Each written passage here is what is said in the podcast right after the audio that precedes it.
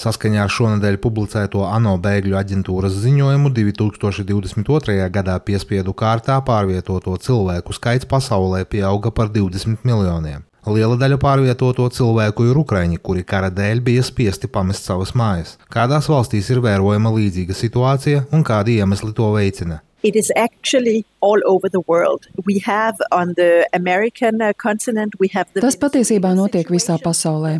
Amerikas kontinentā mums ir situācija Venecuēlā, kas ir izveidojusies pēdējo 5 līdz 7 gadu laikā. Mums bija Āzijas situācija Mjanmā, kuras dēļ daudzi cilvēki bija spiesti doties bēgļu gaitās. Āfrikā pavisam nesen mēs redzējām, kas notika Sudānā, bet arī pagājušajā gadā Kongo Demokrātiskajā republikā, kas ir valsts, kurā gadu desmit desmitiem plosās konflikts. Un atkal mēs vērojam šos vardarbības viļņus, kas liek cilvēkiem pamest mājas. Etiopija, Somālija, Sāhela reģions Āfrikā ir viena no vietām, kur mēs skaidri redzam šo bīstamo konflikta un klimata pārmaiņu seku sajaukumu. Šī reģiona valstis, Burkina Faso, Malī un Čada, būtiski no tā tiek iespaidotas, un līdz ar to miljoniem cilvēku dodas bēgļu gaitās. Un daudzi no tiem ir bēgļi, kas šķērso kaimiņu valstu robežas, taču ir arī cilvēku grupas, ko mēs dēvējam par iekšēji pārvietotajiem. Tie ir cilvēki, kuri bēg, bet joprojām atrodas savā valstī. Un tas bieži notiek. Daudzi cilvēki bēg no konflikta vai kara un pat nepamet valsti. Patiesībā līdzīga situācija ir arī ar Ukrainu. Miljoniem ukraiņu, kas bēga no kara, joprojām atrodas šajā valstī. Tā tas ir arī Sīrijā, Jemenā, Etiopijā un citviet. Tātad, diemžēl, iemesls, jā, Ukraina noteikti, kā jau visi bijām tam liecinieki pagājušajā gadā, bet arī daudzas citas krīzes situācijas un konflikti. But also many other crises and conflicts. Jūs minējāt Kongo Demokrātisko republiku. Gribētu nedaudz pieskarties situācijai šajā valstī. Iepriekš vairākos rietumu valstu medijos izskanēja informācija par Krievijas algotņu grupējumu Wagner iespējamo iesaisti konfliktā šīs valsts austrumu daļā. Vai ANO bēgļu aģentūras rīcībā ir informācija, kas varētu to apstiprināt vai noliegt? It's not something I can comment on in, uh, in detail, I'm afraid. What I can say is that... Diemžēl es nevarēšu sniegt plašu komentāru par šo jautājumu. Varu vienīgi pateikt, ka mēs esam informēti par šiem ziņojumiem. Mēs atrodamies tur uz vietas, Kongo Demokrātiskajā republikā, un esam bijuši jau daudzus gadus. Mēs esam redzējuši, kā darbojas dažādi bruņoti grupējumi. Taču jāsaka, ka upuri šeit ir civiliedzīvotāji, jo mēs redzam šo vardarbības eskalāciju, ciemata dedzināšanu, vajāšanu un cilvēkus, kuri bieži vien ir spiesti bēgt no konflikta, gandrīz neko nepaņemot līdzi. Diemžēl es nevaru sniegt sīkākus politiskos skaidrojumus, taču mēs arī ņemam vērā ziņojumus un atrodamies tur uz vietas, cenšamies palīdzēt un sniegt atbalstu, cik vien tas ir iespējams. Taču nav šaubu, ka Kongo Demokrātiskajā republikā norit viens no sarežģītākajiem un ilgadējiem konfliktiem un krīzēm, kurā ir iesaistītas vairākas puses. Un mums arī jāatceras, ka tā ir milzīga valsts, kurā varētu būt stabilitāte un miers. Dažos Kongo reģionos faktiski tiek uzņemti bēgļi no citām valstīm. Un tad mēs redzam citas provinces, citus reģionus, kurus plosīs konflikts un patiešām smagi skāris tos. Tik ārkārtīgi sarežģīta situācija, man jāsaka. Heavily affected.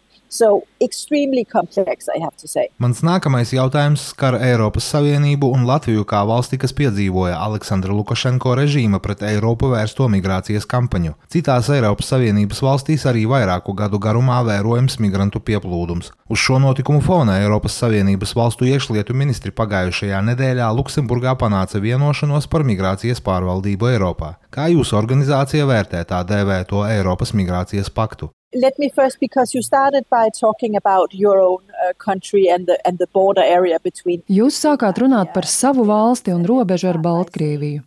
Ļaujiet man sākt ar to, ka ANO bēgļu aģentūra pilnībā izprot Latvijas bažas par drošību.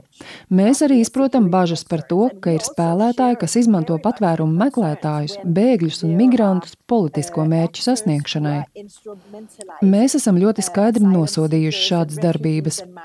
Mēs zinām, ka ir tādas valstis kā Latvija, mēs zinām, ka ir tādas valstis kā Latvija, bet arī citas valstis Eiropā ir saskārušās ar ļoti izaicinošu situāciju, un dažām valstīm pavisam nebijušu situāciju, uzņemot daudz lielāku cilvēku skaitu nekā jebkad iepriekš. Un, protams, katra valsts pilnīgi leģitīmi pārvalda savas robežas. Taču tas ir jādara, un to var darīt tā, lai tiktu ievērotas arī cilvēka pamattiesības, kuras ietver arī tiesības meklēt patvērumu. Tātad tās nav tiesības saņemt patvērumu. Tas ir, ja jums kā bēglim ir nepieciešama aizsardzība, bet tās ir tiesības meklēt patvērumu. Un ja mēs skatāmies uz Eiropas Savienības paktu un to, kas ir ierosināts un par ko ir spriests ilgu laiku, un tas nav noslēpums, es teiktu, ka kopumā no ANO bēgļu aģentūras skatpunkta šis pakts akts ir ļoti nepieciešams, lai radītu labāku Eiropas risinājumu, kas ir paredzamāks un kurā ir izveidota efektīva sistēma. Un tam ir arī solidaritātes mehānisms, jo nav vienlīdzīga, teiksim tā, iebraucēju patvērumu meklētāju sadalījums starp Eiropas Savienības valstīm. Dažām valstīm ir ārējās robežas, tas jums Latvijā nav nekāds pārsteigums. Jums ir Eiropas Savienības ārējā robeža, taču Eiropā ir arī citas valstis, piemēram, Itālija, Grieķija un Spānija, kurām arī ir ārējās robežas. Tās ir uzņēmušas daudz vairāk patvērumu meklētāju. Tāpēc šis solidaritātes mehānisms ir ļoti svarīgs, un tas ir kaut kas tāds, par ko ANO bēgļu aģentūra ir iestājusies.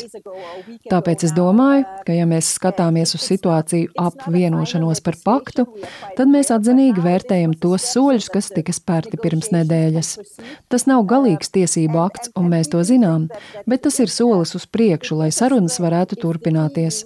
Un mēs uzskatām, ka tas tikai pierāda Eiropas Savienības spēku, ja dalību valstis var vienoties par labāku prognozējumu, efektīvāku sistēmu, lai risinātu šo situāciju, kad cilvēki ierodas Eiropā, lai mēs spētu nodrošināt, ka cilvēki var meklēt patvērumu un lai viņu patvēruma pieteikumi tiktu ātri un taisnīgi izskatīti. Ja viņiem nav nepieciešama starptautiskā aizsardzība, tad viņi ir jāatgriež mītnes zemēs. Un tas ir arī viens no iemesliem, kāpēc ir svarīga šī ātrā un efektīvā procedūra, lai spētu ātrāk izvērtēt, vai cilvēki klasificējas starptautiskās aizsardzības saņemšanai. More quickly assess whether people are in need of protection or not. Mans nākamais jautājums būs par situāciju Jemenā. Šo valsti deviņu gadu garumā plosīs pilsoņu karš, kuru nereti dēvēja par mūsdienu aizmirsto konfliktu. Miljoniem cilvēku šī konflikta dēļ bija spiesti pamest savas mājas. Pirms diviem mēnešiem Saudārābija uzsāka pastāvīgā miera sarunas ar hutiešu nemierniekiem. Vai miera sarunu procesa uzsākšana jebkādā veidā mudinājusi Jemenas civiliedzīvotājus atgriezties savās mājās? It's a really good point you're making because this recent development for Yemen Jums ir taisnība. Šī nesenā notikuma attīstība Jemenā ir ārkārtīgi svarīga. Traģiskajā situācijā, kad miljoniem cilvēku nākas doties bēgļu gaitās, ir svarīgi atzīmēt kādu pozitīvu notikumu.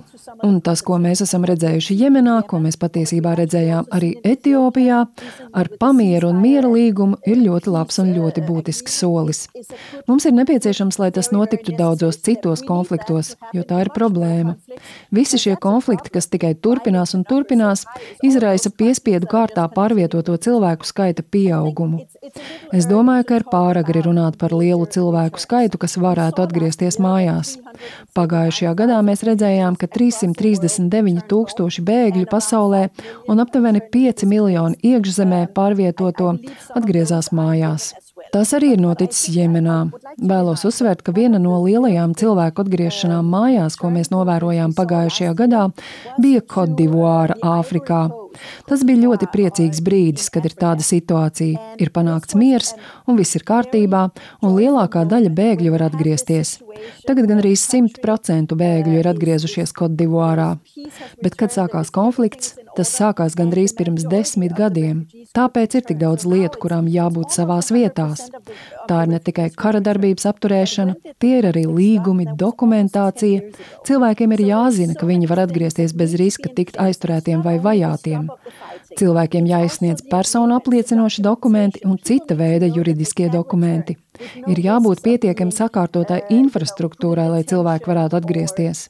Tāpēc, diemžēl, dēļ visa posta, ko šie kari un konflikti radīja, un arī pēc konflikta apturēšanas, bēgļu atgriešanās mājās ir ilgs process. Tāpēc arī mēs esam ļoti piesardzīgi un sakām, ka tam jānotiek pareizā tempā, lai tas būtu brīvprātīgi un cienīgos apstākļos. Bet tas ir iespējams, un mums jāatceras, ka pastāv cerība. Mums ir jāpanāk, starptautiskai sabiedrībai ir jāpanāk konfliktu un kāru apturēšana. Palūkojoties uz šiem šausmīgi augstajiem skaitļiem, mēs secinām, ka divas trešdaļas bēgļu nāk no četrām konflikta zonām. Tās ir Sīrija, Ukraina, Afganistāna un Venecuēla. Iedomājieties, ja tiktu atrisināta tikai viena no šīm krīzēm un būtu panākts miers. Cik tam būtu liela nozīme globālā mērogā un arī miljoniem cilvēku vai ģimeņu. Tāpēc es domāju, ka risinājums ir apturēt karus un konfliktus, galvenos cēloņus, kas liek cilvēkiem pamest savas mājas. The, the big solution is stop the wars and the conflicts that are the root causes driving people from their homes.